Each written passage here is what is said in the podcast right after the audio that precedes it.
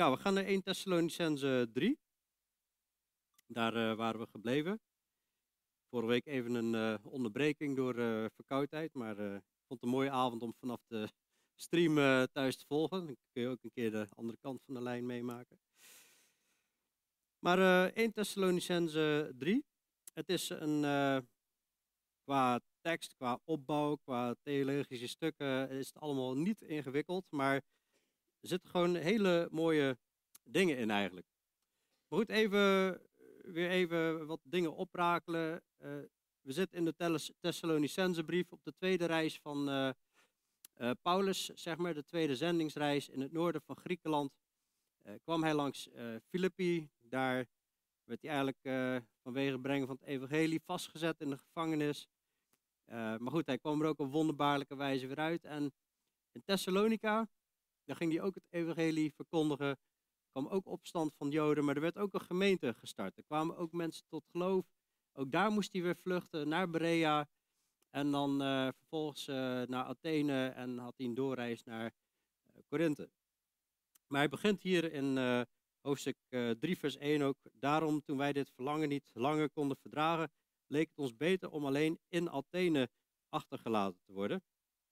En dan stuurt hij dus Timotheus. En daar eh, vertelt hij nu zo eh, over in dit stukje. Maar even opzommend. Het is vermoedelijk, vermoedelijk dus een jonge gemeente op het moment van eh, schrijven. Ze hebben een heel krachtig getuigenis, zoals we hebben gezien in hoofdstuk 1. Eh, door heel Griekenland ja, was hun verhaal bekend, hoe, hoe, ze van de afgoden bekeerd waren, hoe ze de levende God dienden en hoeveel liefde en geloof ze hadden en de hoop vasthielden. En eh Timotheus is weer gestuurd om hen in hun geloof te versterken en te bemoedigen. Er was vervolging, verdrukking en Paulus meldt dat we bestemd zijn tot verdrukking. Dat zien we hier in dit eh, hoofdstuk. En hij wil ook weten ten aanzien van hun geloof of de verzoeker hen verzocht had. Maar ze zijn nog volop in het geloof en in de liefde gelukkig. Dat komen we ook hier in hoofdstuk 3 tegen. En dan hoofdstuk 4 benoemt hij de wil van God voor hun leven. Dat is levensheiliging. En klaar zijn voor Jezus' komst. Hoofdstuk 4, daar wordt ook de opname in eh, beschreven. En Paulus spreekt in elk hoofdstuk soms meerdere keren over Jezus' komst. En er waren mensen eh, gestorven, mogelijk waren hier zorgen over dat ze de wederkomst gemist hadden. En ook hier op het eind zien we weer, benoemt hij eh, kort de komst van onze Heren, maar om daar klaar voor te staan. Eh, continu is Paulus bezig met Jezus' komst verwachten. En ja, als je zijn komst verwacht, hoe leef je dan, logischerwijs? Dit is een, eh, ik zie dit als een kernstuk. In Thessalonicense 3, vers 12 en 13. En dat is ook wat we dus eh, vandaag tegenkomen. Een kernstuk van de brief. U mogen de Heeren doen toenemen en overvloedig maken in de liefde tot elkaar en tot allen, zoals ook wij dat zijn tot u. Opdat hij uw harten zou versterken om onberispelijk te zijn in heiliging voor het aangezicht van onze God en Vader bij de komst van onze Heer Jezus Christus met al zijn heiligen. Als je echt bij stilstaat bij deze tekst is geweldig en terwijl hij dit schrijft is het ook een gebed. Maar goed, staande blijven in de Heer. Dit zijn wel van die, uh, van die uh, inspirerende plaatjes van Facebook die je soms wel eens uh, tegenkomt. Dan zie je zo'n geknielde man in, in zijn wapenuitrusting en ja, de duivel zag mij met mijn hoofd neergebogen en dacht dat hij gewonnen had, totdat ik amen zei. En uh, nou, je ziet hier op, ook op het eind een uh, prachtig gebed van Paulus. En ja, hij, Paulus zegt ook op een andere plek, ik kan alle dingen, uh, kan, ik kan alle dingen in hem die mij de kracht geeft. En deze mensen die, die staan in het geloof en de, de titel staande blijven in de Heer heb ik uit vers 8. Hè, daar zegt Paulus, want nu leven wij indien u staande blijft in de Heer. En ja, ze staan er is wel vervolging, mogelijk wat verwarring en Timotheus komt om ze te versterken en te bemoedigen. Ik heb eigenlijk uh, vier kopjes voor vandaag. Eerste kopje is uh, verdrukking komt eraan. Tweede is God bemoedigt en versterkt. En heeft de verzoeker je te pakken. en dag en nacht in gebed zijn. Misschien goed om eerst even te beginnen met het uh, stukje te lezen. Daarom, toen wij dit verlangen niet langer konden verdragen, leek het ons beter om alleen in Athene achtergelaten te worden. En hebben we Timotheus gestuurd, onze broeder en godsdienaar, en onze medearbeider in het evangelie van Christus, om u in uw geloof te versterken en te bemoedigen, opdat niemand in verwarring gebracht zou worden in deze verdrukkingen. Want u weet zelf dat wij hiertoe bestemd zijn. Toen wij bij u waren, zeiden wij u immers van tevoren dat wij verdrukt zouden worden, zoals ook gebeurd is, en u weet het. Daarom heb ik, omdat ook ik dit verlangen niet langer kon verdragen, hem gestuurd, Timotheus, om ten aanzien van uw geloof te weten te komen of de verzoeker u misschien niet verzocht had en onze inspanning te vergeefs zou zijn geweest. Maar nu is zojuist Timotheus bij u vandaan, bij ons teruggekomen en heeft ons de goede boodschap gebracht van uw geloof en liefde. Dat u altijd een goede herinnering aan ons hebt en vurig verlangt om ons te zien, zoals wij ook u. Daardoor zijn wij over u bemoedigd, broeders, bij al onze verdrukking en nood, vanwege uw geloof. Want nu leven wij, indien u staande blijft in de Here. Want welke dank kunnen wij God voor u teruggeven, vanwege al de blijdschap waarmee wij ons over u verblijden voor het aangezicht van onze Heer, van onze God. Wij bidden nacht en dag meer dan overvloedig om uw gezicht te mogen zien en om te volmaken wat aan uw geloof ontbreekt. Maar onze God en Vader zelf en onze Heer Jezus Christus mogen onze weg naar u toe leiden. En u mogen de Heere doen toenemen en overvloedig maken in de liefde tot elkaar en tot allen, zoals ook wij dat zijn tot u. Opdat hij uw harten zou versterken om onberispelijk te zijn in heiliging voor het aangezicht van onze God en Vader bij de komst van onze Heer Jezus Christus met al zijn heiligen. Ja, dat is eigenlijk gewoon uh, best wel een mooi en positief stuk. Opbouwend, bemoedigend, blijdschap. En ze staan in het uh, geloof. Maar goed, tegelijkertijd, ja, verdrukking komt eraan. En dat had hij gezegd en verdrukking kwam er ook aan. In vers 4 zei hij, toen wij bij u waren, zeiden wij u immers van tevoren dat wij verdrukt zouden worden. En ja, goed, nu wordt Timotheus gestuurd, ja, opdat niemand in verwarring gebracht zou worden in deze verdrukkingen, om hun geloof te versterken en te bemoedigen. In 2 Timotheus 3 vers 12, daar zegt Paulus dat ook allen die godvruchtig willen leven in Christus Jezus zullen vervolgd worden. Nou, Christus Jezus bestond natuurlijk niet pas vanaf het jaar nul. Jezus is God, die bestond al veel eerder. En we zien iedereen die, nou iedereen in ieder geval, heel veel voorbeelden in het, in het Oude uh, Testament van mensen die vervolgd worden. Al heel vroeg al in Genesis eigenlijk, wanneer Jozef spreekt over wat ja, God hem eigenlijk heeft geopenbaard. Ja, wordt hij door zijn eigen broers notabene, wordt hij in de put geworpen. We zien een, een Daniel die in de leeuwkuil geworpen wordt. We zien de vrienden van Daniel die in de vurige oven geworpen worden. We zien Paulus zelf in het Nieuwe Testament, hè, die, ik heb het al vaker genoemd, die gestenigd wordt. Ze denken dat hij dood is en hij staat zo weer op en gaat weer verder verkondigen. Maar bovenal, onze Heer Jezus Christus, onze leider, de, de Heer van deze gemeente, die hebben ze ook vervolgd, die hebben ze ook gedood. En hij heeft het over je kruis opnemen. Als we achter hem aan willen komen, moeten we ons kruis opnemen. Dus we zullen vervolgd worden.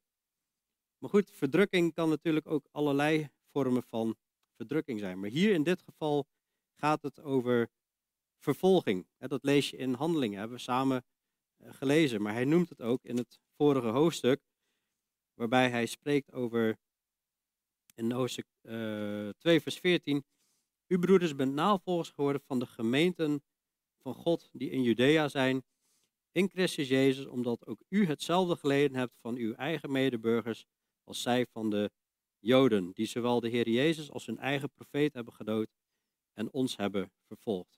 Dus gaat hij heel duidelijk over vervolging. En tegelijkertijd, we maken allerlei vormen van verdrukking mee als gelovigen. En dat is voorzegd. Maar het is ook weer een bemoediging. We, we hadden het de zondag hadden we het er ook nog kort over. Over dat het eigenlijk eh, verharding en ondervinding teweeg brengt. En brengt weer hoop teweeg. Ik vind 2 Korinthe 4 vers 17 ook heel mooi. Het spreekt over onze lichte verdrukking. Ook al is het heel zwaar hier op aarde, dan ja, het is nog steeds licht ten opzichte van de eeuwigheid. Het is van korte duur en het brengt in ons een alles overtreffend eeuwig gewicht van heerlijkheid teweeg. Een heel mooi stukje als je het bestudeert, waarbij hij eigenlijk verdrukking tegenover heerlijkheid zet. De korte duur zet hij tegenover de eeuwigheid.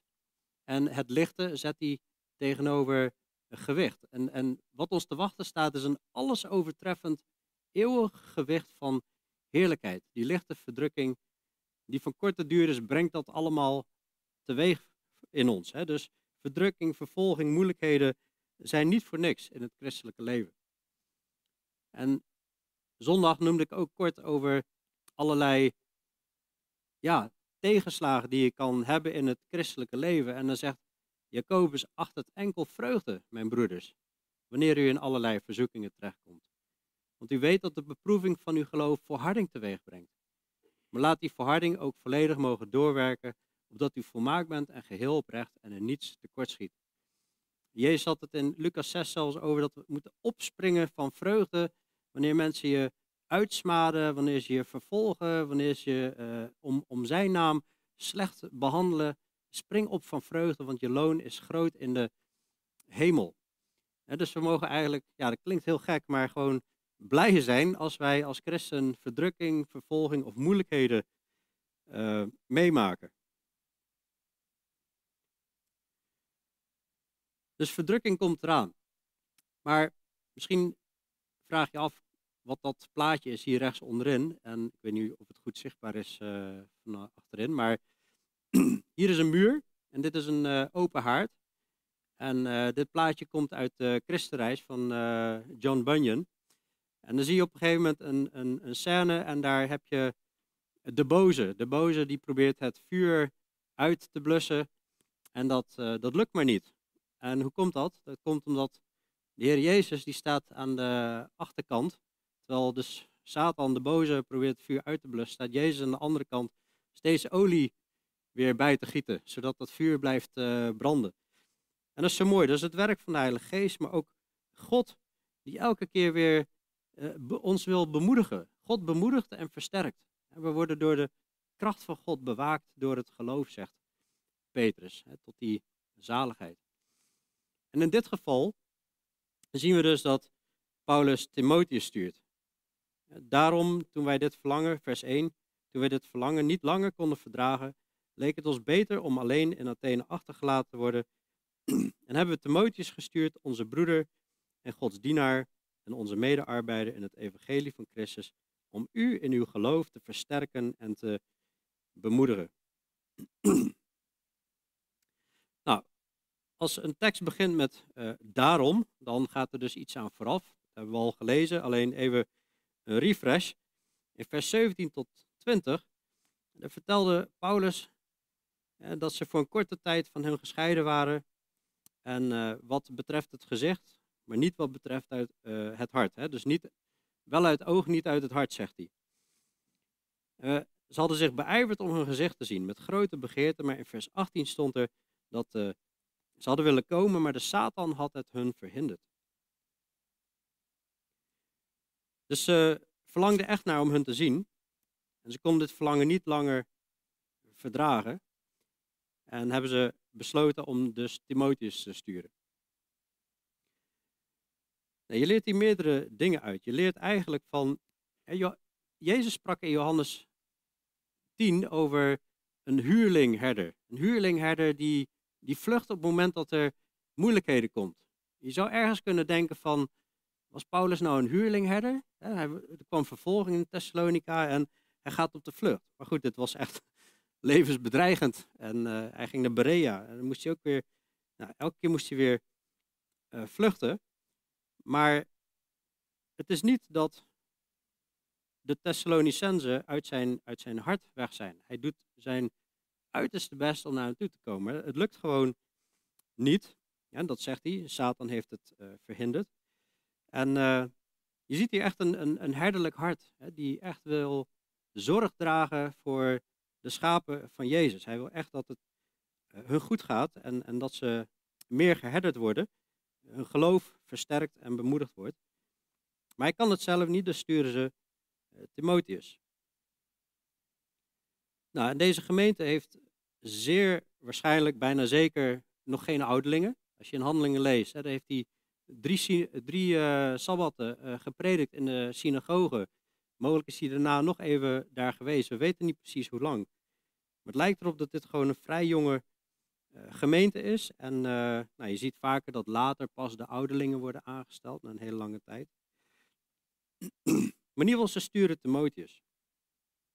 Onze broeder, godsdienaar, onze medearbeider. En God geeft dus wereldwijd arbeiders. God heeft wereldwijd arbeiders in kerken geplaatst. Nou, en er zijn natuurlijk arbeiders door God geplaatst en er zijn helaas ook arbeiders door de tegenstander geplaatst. Maar God is in ieder geval wereldwijd wel bezig met zijn werk. Zelfs tot in Papua Nieuw-Guinea. Maar we zien hier een heel mooi voorbeeld van Timotheus. Timotheus is een bekende in het Nieuwe Testament. Je ziet hem in de Korinthebrief, je ziet hem in de Filippenzenbrief, je ziet hem overal terugkomen. Twee brieven zijn zelfs gewijd aan Timotheus. Hij is een, een, een trouw dienaar van God. Maar allereerst wordt hij broeder genoemd. Een trouw dienaar van God zijn begint met een kind van God worden. Als je een arbeider van God wil zijn, dan moet je eerst een kind van God zijn, een, zodat je broeder genoemd kan worden. En hij wordt hier Gods dienaar genoemd. En dat betekent dat hij zich ook beschikbaar stelt. Het was tijdens de reis van Paulus in de omgeving Lystra en Derbe in, in het oosten van wat wij nu Turkije noemen, dat Paulus eerst het evangelie gebracht en de tweede keer komt hij langs en dan heeft Timotheus een goed getuigenis en die gaat met hem mee op reis en jarenlang is hij gevoed, heeft hij alles gezien wat Paulus deed. Hij was bereid zijn leven op te offeren voor het evangelie. En hij is ook een hele trouwe dienaar en een medearbeider. Iemand die samenwerkt. Niet iemand die tegenwerkt, maar meewerkt. De Thessalonicenzen hadden dus geloof ik nog geen oudste. En Timotheus wordt eigenlijk gezonden om te herderen. Net als Timotheus ook naar Efeze gestuurd werd. Het is heel mooi als je het hart ziet van Paulus. Ook naar de Filippenzen waar hij eerder was geweest. dan zegt hij, ik word door deze twee gedrongen. Ik heb de begeerte om heen te gaan en bij Christus te zijn dat is verreweg het beste. Hoe graag zouden we niet bij de Heer willen zijn allemaal. Maar in het vlees te blijven is noodzakelijk voor u, zegt hij dan. dat is om hun nog uh, te kunnen opbouwen. En in Filippenzen 2, vers 19 zegt hij, en ik hoop in de Heer Jezus Timotheus spoedig naar u toe te sturen, ook daar hetzelfde geval, opdat ook ik goedsmoeds mag zijn als ik van uw zaken weet. Want ik heb niemand van gelijke gezindheid die oprecht voor uw zaken zorg zal dragen. Want zij zoeken allen hun eigen belang, niet die van Christus Jezus. Wat een geweldig getuigenis heeft Timotheus. Ja, alle andere arbeiders, dat is best wel triest eigenlijk, die zoeken allemaal hun eigen belang. En niet die van Christus Jezus. En Timotheus, in geen enkel opzicht zoekt hij zijn eigen belang, maar zoekt hij het belang van Christus, de gemeente en wat dus goed is voor de kudde van Jezus en voor Christus Jezus zelf. Het is echt wel een, een, een geweldig personage om eens bij stil te staan, om die eens te onderzoeken in het Nieuwe Testament. En hier zie je dus weer heel krachtig getuigenis over onze broeder, Gods dienaar en medearbeider in evangelie van Christus. En meteen ook de vragen die we onszelf kunnen stellen van, hoe ziet mijn leven eruit? En misschien zijn we niet allemaal fulltime arbeiders zoals Timotheus. Maar zijn wij een dienaar voor God? Stellen wij ons leven beschikbaar voor God, waar we ook zijn? En zeggen we van Heer, u mag het zeggen over mijn leven. Waar u wilt dat ik ga, daar zal ik gaan.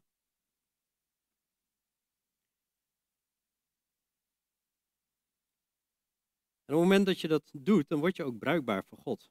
In het evangelie van Christus. Om ook anderen in geloof te versterken en te bemoedigen. En niet iedereen heeft de rol van voorganger of herder of dat soort dingen, maar elke christen kan wel in zijn positie anderen bemoedigen. Dat is gewoon onze, voor iedereen dezelfde taak.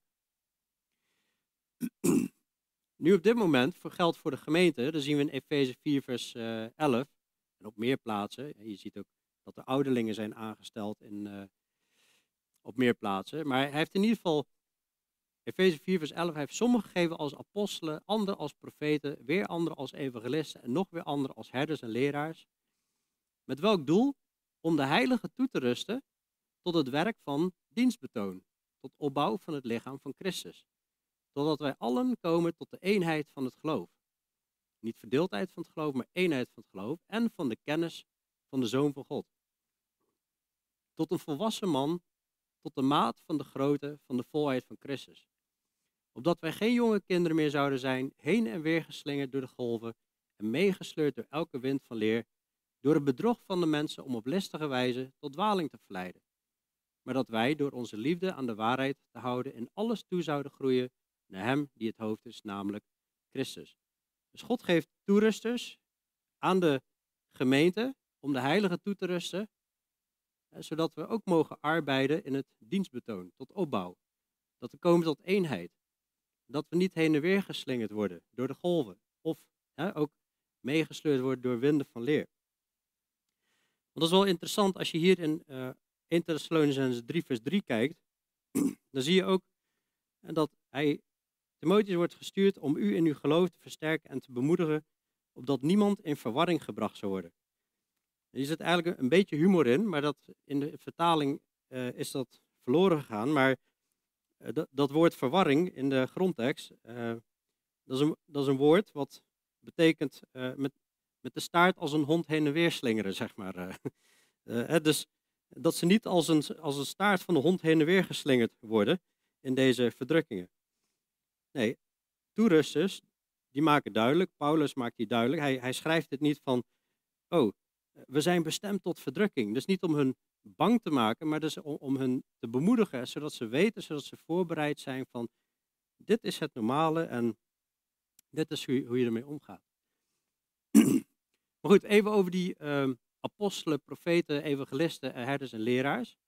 Ja, in uh, ja, zeg maar charismatische kringen er wordt ook gesproken over de uh, vijfvoudige bediening, hè, die in elke kerk aanwezig hoort te zijn.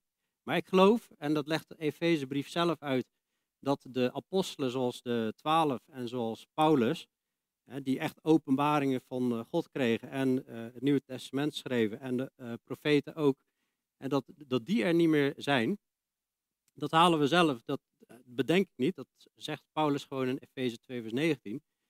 En daar spreekt hij over dat wij niet meer vreemdelingen en bijwoners, maar medeburgers van heiligen en huisgenoten van God zijn. Gebouwd op het fundament van de apostelen en profeten. Dus dat zijn fundamentleggers, waarvan Jezus Christus zelf de hoeksteen is. En dan in Efeze 3, vers 5 spreekt hij over het geheimenis van Christus, dat in andere tijden niet bekend gemaakt is aan de mensenkinderen, zoals het nu geopenbaard is aan zijn heilige apostelen en profeten door de geest. Nieuwe openbaringen van Christus, waarmee het Nieuwe Testament geschreven is door apostelen en profeten. Jacobus was geen apostel, maar was een, de, de, de broer van Jezus in de Jacobusbrief was een, een profeet, net als Judas en uh, nou, Lucas. Um, dus de apostelen en, en profeten zijn fundamentleggers. En dan heb je evangelisten en dan heb je de herders en leraars. En dan zie je dus ook in de rol van ouderling die moeten bekwaam zijn om te onderwijzen.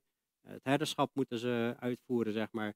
dus eh, het kan zijn dat dit gaat over een club uh, ouderlingen en uh, diakenen. Tegelijkertijd betekent het woord apostel ook gewoon een gezondene. dus iemand die gezonden is, zoals Papua Nieuw, uh, Steven Gedien naar Papua Nieuw-Guinea, dat zijn zendelingen. En die, maar dat is niet zoals de, de twaalf natuurlijk. Hun namen zijn geschreven op de fundamenten van Nieuw-Jeruzalem. Dat is een unieke rol. Maar goed, toen stuurde Paulus Timotheus. Nu heb je uh, dus de toerusters in de gemeente om de heilige toe te rusten tot werk van dienstbetoon, zodat iedereen opgebouwd kan worden om allemaal bij te dragen aan het evangelie, aan het onderwijs, aan iedereen te leren onderhouden alles wat Jezus geboden heeft. Maar in ieder geval, God bemoedigt en versterkt. God geeft wereldwijd, geeft hij mensen om de gelovigen te bemoedigen. dit, wat ik hier sta te doen is niet mijn werk, is ook niet iets wat Onno bedacht heeft of uh, Jeremy, maar is iets wat God bedacht heeft. Dat we het woord openen en dat verkondigen. Ja, want dat zag je in het vorige hoofdstuk ook, dat ze, de Thessalonicenzen hadden het gepredikte woord aangenomen als, niet als mensenwoord, maar zoals het werkelijk is, is als Gods woord. In Thessalonicenzen 2 vers 13. En dat is wat ons geloof en dat is wat ons bemoedigt. En daar was Timotheus al in getraind.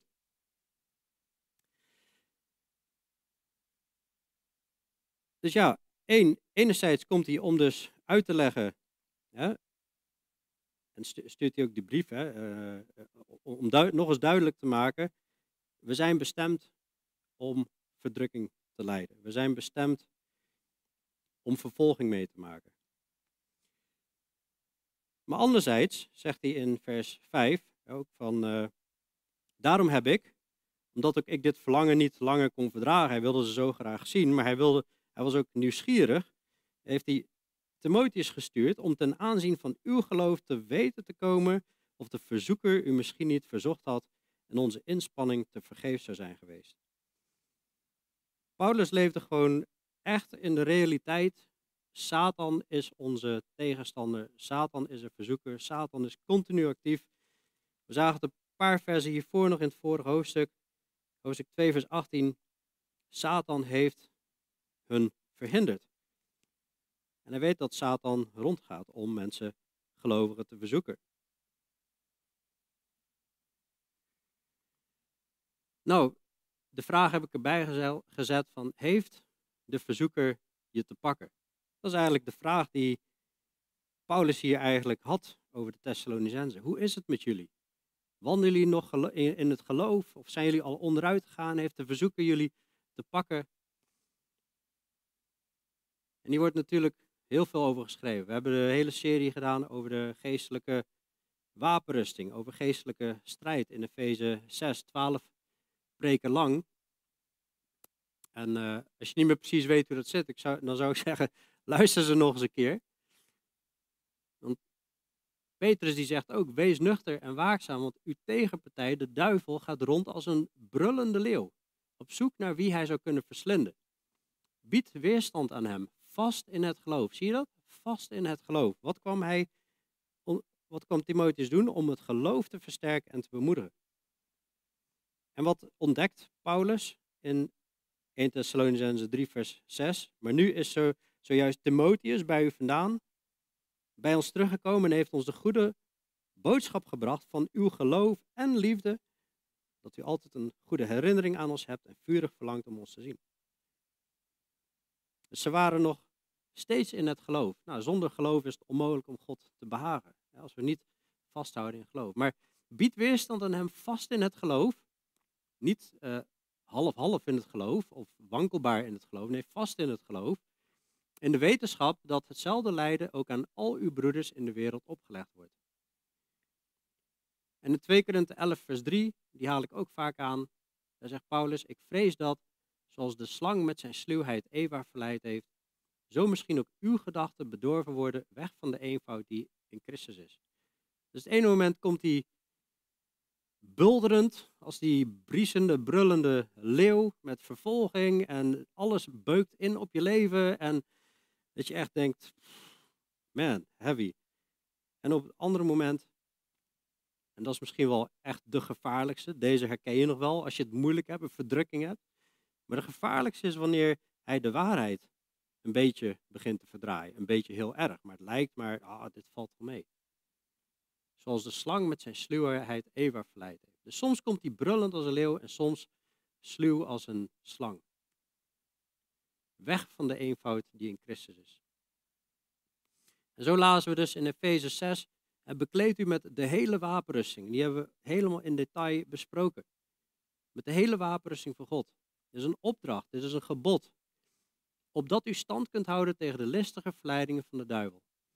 Want we hebben de strijd niet tegen vlees en bloed, maar tegen de overheden, tegen de machten, tegen de wereldbeheersers van de duisternis van het tijdperk, tegen de geestelijke machten van het kwaad in de hemelse gewesten.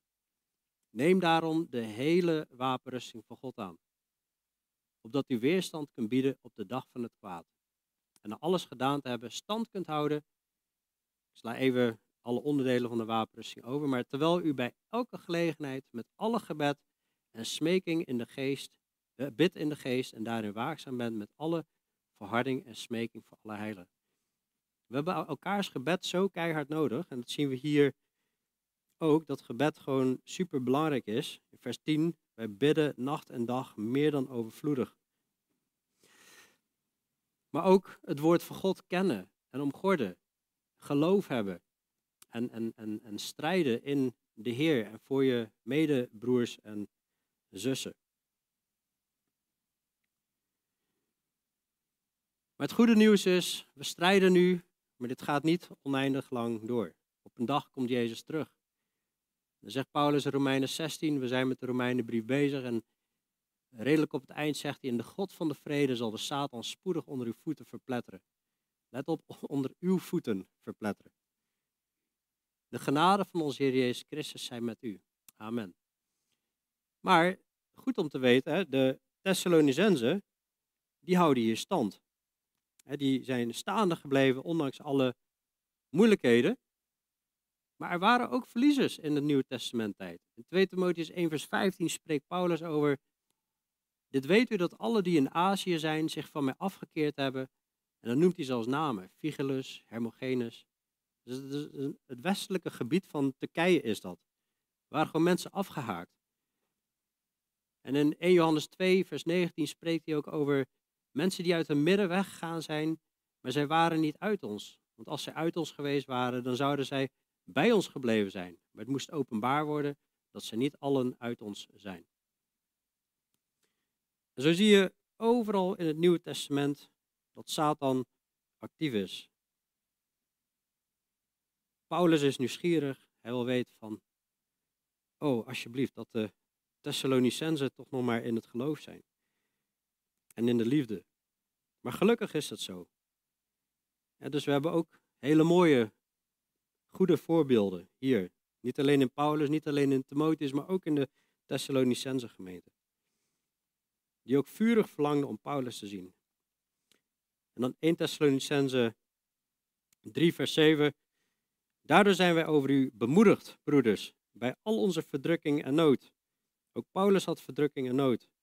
En ze werden bemoedigd vanwege uw geloof. Dus terwijl jij staande blijft, terwijl jij blijft wandelen met de Heer, in alle moeilijke omstandigheden heb je niet in de gaten dat je zelf ook weer een bemoediging bent voor anderen. Ook voor leiders zoals Paulus. Die, heeft ook die had ook bemoediging nodig. Soms denk je wel eens van, ja, die gast die kon alles aan. Nee, die had ook bemoediging nodig. Ik heb ook bemoediging nodig. Ik denk onder we ook nog wel, toch? Nog net. ja. Want nu leven wij indien u staande blijft in de Heer. En ik denk dat hij hier niet zozeer over het eeuwig leven heeft, kan ook, maar in ieder geval, nu leven wij hè, alsof ze nu echt even opleven hè, en die nu staande blijft in de Heer. Want welke dank kunnen wij God voor u teruggeven vanwege al de blijdschap waarmee wij ons over u verblijden voor het aangezicht van onze God. Dat is toch gewoon genieten als jij het evangelie gaat verkondigen aan mensen. Als je mensen gaat vertellen over Jezus. En ze nemen het evangelie ten volle aan. En geloven het en gaan erin wandelen. Maar ja, als ze dan moeilijkheden krijgen, die verdrukking, die vervolging, dan. Ik weet niet of je er wel hebt meegemaakt, maar ik zit dan echt vol met zorg. oh jee, als, als dit maar goed gaat. Zouden ze vol blijven houden. Maar als ze daar dan doorheen komen, denk ik, oh wauw, gaaf. Volgens mij zijn dit echte wedergeboren geloven. Welke dank kunnen wij God voor u teruggeven? Dus is enorme blijdschap die Paulus heeft. Vanwege al de blijdschap waarmee wij ons over u verblijden voor het aangezicht van onze God. En dan zegt hij eigenlijk, wij bidden nacht en dag meer dan overvloedig om uw gezicht te mogen zien en om te volmaken wat uw geloof ontbreekt. Wij bidden nacht en dag. Dat is best veel. ja, je zou er zo even overheen kunnen lezen. Ik heb het uh, per ongeluk omgedraaid, nacht en dag, dag en nacht. Nou, maakt niet zo heel veel uit, komt op hetzelfde neer. Maar um, ik had deze doorgestuurd op de app van de week, gisteren volgens mij, of vandaag. Maar die tekst die trof mij best wel. Dat gaat over Samuel, de profeet. Het woord van de Heer was schaars in die tijd. In de tijd van Samuel wordt gesproken. En later, dan zie je dus dat hij. Hij staat echt in voor Israël en, en is continu in gebed. En hij zegt gewoon: Wat mij betreft, er is bij mij geen sprake van dat ik tegen de Heer zou zondigen. door op te houden voor u te bidden. Hij ziet het gewoon: als ik stop met bidden, dan, dan zondig ik gewoon. Dat is, mijn, dat is mijn werk om te bidden voor anderen. En wij worden ook opgeroepen, in deze brief zelfs, bid zonder ophouden. Als een bevel, als een gebod. Dus als wij moeten bidden zonder ophouden en je gaat wel ophouden met bidden, eigenlijk zondig je dan. Maar ik zal u de goede en juiste weg leren. Vrees alleen de Heer en dien hem trouw met uw hele hart. Want zie welke grote dingen hij bij u gedaan heeft. Zijn, vind ik, enorm bemoedigende, teksten. Ook al ben ik niet een Samuel, of zijn wij niet zo'n groot profeet als een Samuel, maar wat je hier leert, dat kun je natuurlijk wel toepassen in je leven. Paulus heeft een aantal gebedspunten ook. En uh, nou, het is om, hij bidt om hun gezicht te mogen zien en om te volmaken wat uw geloof ontbreekt. Hoewel hè, hun gezicht te mogen zien natuurlijk ook een gebedspunt is, is denk ik de kern hè, is om te volmaken wat aan uw geloof ontbreekt. Ik denk dat dat een heel mooi gebedspunt is, die we voor elkaar mogen hebben. En die ik ook voor jullie heb. Dat ja, God alles mag geven om te volmaken wat aan uw geloof ontbreekt. Of aan mijn geloof. Hè, dat we daarin mogen groeien. En een ander gebedspunt wat hij heeft is in vers 11, 12. Maar onze God en Vader zelf en onze Heer Jezus Christus mogen onze weg naar u toeleiden. En u mogen de Heer doen toenemen en overvloedig maken in de liefde tot elkaar en tot allen, zoals ook wij dat zijn tot u. Er is een tweede eh, gebedspunt is, hè, mogen de Heere u doen toenemen en overvloedig maken in de liefde tot elkaar en tot allen. Mogen overal de liefde van God verspreiden, maar vooral binnen de gemeente, daar ligt e-, ook echt de nadruk op, zie je in gelaten 6, vooral aan de uh, geloofs, aan de huisgenoten van het geloof. Ja, maar natuurlijk aan alle mogen goed doen en liefde tonen. Maar dat is eigenlijk waar het om draait. Hè? Geloof, wat helemaal volmaakt wordt. En dat we overvloedig worden in de liefde. Dat is het verlangen wat God heeft. Dat we volledig op Hem vertrouwen in alles. En dat we liefde hebben naar God, maar ook naar onze naasten. En hij bidt ook opdat hij uw harten zou versterken om onberispelijk te zijn in heiliging voor het aangezicht van onze God en Vader bij de komst van onze Heer Jezus Christus met al zijn heiligen. Er zijn eigenlijk drie gebedspunten. maar die liefde, hoewel we ervoor bidden, is het ook gewoon goed dat we er ook over onderwijzen wat de Bijbel erover zegt. Daar begonnen we ook mee in hoofdstuk 1, toen we het hadden over geloof, hoop en liefde. Maar ik denk dat hier heb je ook weer zo'n kerntekst in Filippenzen 2 vers 3. Doe niets uit eigen belang of eigendunk, maar laat de nederigheid de een de ander voortreffelijk achten, voortreffelijker achten dan zichzelf. En laat een ieder niet alleen oog hebben voor wat van hemzelf is, maar laat een ieder ook oog hebben voor wat van anderen is. Je zag dat er arbeiders waren die zochten niet, die zochten hun eigen belang, die zochten niet het belang van eh, Christus. En hier staat, doe niets uit eigen belang of eigen dunk. Ja, maar de ander voortreffelijke achter, nederigheid, oog hebben wat voor de ander is. Dat is zo belangrijk, dat is echt een pure vorm van liefde. En je hebt in de Bijbel, we hebben gekeken in 1 Korinthe 13, dat is het hoofdstuk van de liefde natuurlijk. Maar we hebben ook uh, een hele serie gedaan over de Korinthebrief, over de Timotheusbrief. De Korinthebrief, daar was juist van alles mis. Dat is ook wel eens goed om te bekijken. Er worden vier hoofdstukken worden al gewijd aan ehm, hoe, hoe men in de gemeente omging met uh, die was voor die spreker en die was voor die spreker. En dan creëerden allemaal partijschappen in de kerk. Waren allemaal bijbeltrouwe sprekers. Het creëerde allemaal partijtjes in de, in de kerk. Nou, dat is gewoon vleeselijk, zegt hij. En dan ben je nog baby's in het geloof, als je zo uh, denkt of praat. Of er was hoererij, dat is ook liefdeloos, als je erover nadenkt. en er was verdeeldheid bij het avondmaal. Al die dingen horen niet aanwezig te zijn. Maar het is zo belangrijk dat we voor elkaar bidden. dat het geloof mag toenemen en dat de liefde tot elkaar mag toenemen. En dat het, eigenlijk zegt hij, je mogen de Here u doen toenemen en overvloedig maken in de liefde tot elkaar en tot allen. En dat is uiteindelijk wat God echt verlangt. Ik denk dat de boodschap hier echt is staande blijven in de Here. Enorme blijdschap geeft dat bij Paulus, bij Timotheus. En ik had vier kopjes, had ik genoemd, verdrukking komt eraan. Maar ik heb nu met een vraag erbij. Maar ben je voorbereid? Of denk je wanneer het moeilijk gaat van, oh, wat gebeurt mij nu dan? Dat is het doel van de Bijbel, van het Nieuwe Testament en van de prediking. Dat we weten van, nee, wacht even, dit is normaal als dit komt. Maar wacht ook op de Heer, want God bemoedigt en versterkt. Maar doe jij ook mee in het bemoedigen en het versterken van de gemeente? Heeft de verzoeker je te pakken, was de vraag. Maar ben je ook bewapend of lig je wapenrusting ergens in een hoekje? Ben je elke dag in gebed? Ben je elke dag in Gods woord bezig? We hebben het zo hard nodig. De Bijbel schreeuwt het uit als we de Bijbel lezen. Pak mij op. Laat het woord in je hart landen. Bid dag en nacht in gebed. En hoe zit het bij jou? ik denk niet dat Paulus elke nacht aan het bidden was. Maar ik denk wel veel momenten in de nacht. Hè. hij zal heus wel uh, slapen, maar hij heeft ook nachten zonder slaap gehad, zegt hij in 2 Korinthe 11. En misschien heb je wel zo'n moment dat je niet in slaap kan vallen of ineens om vier uur s ochtends wakker bent. Denk, echt super irritant dat ik nu wakker ben. Misschien is het je normale opstaantijd trouwens, dat weet ik niet. In de bouw is dat vrij normaal. Uh.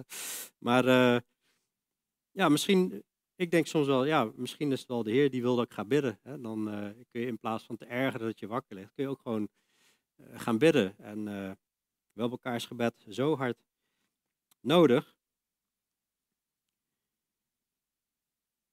Maar nog één keer even nadrukkelijker op wijzen. Hè? Belangrijk om staande te blijven in de Heer. Jezus, onze koning, komt spoedig. En dat is wat Paulus ook benadrukt in vers 13 in het gebed opdat hij uw harten zou versterken om onberispelijk te zijn in heiliging. En daar gaan we het volgende keer over hebben. Dat werkt hij uit, die heiliging in hoofdstuk 4. Maar opdat hij uw harten zou versterken om onberispelijk te zijn in heiliging voor het aangezicht van onze God en Vader bij de komst van onze Heer Jezus Christus met al zijn heiligen. En dat is een heel belangrijk punt is, naast alle andere belangrijke punten die genoemd zijn, een heel belangrijk punt om mee te nemen naar huis is, hoe wil jij gevonden worden wanneer Jezus terugkomt? In heiliging, onberispelijk voor het aangezicht van onze God en Vader, bij de komst van onze Heer Jezus Christus, met al zijn heiligen, of word je gevonden op het moment dat je denkt, oeh, was de Heer maar niet op dit moment gekomen, dat je je kapot moet schamen.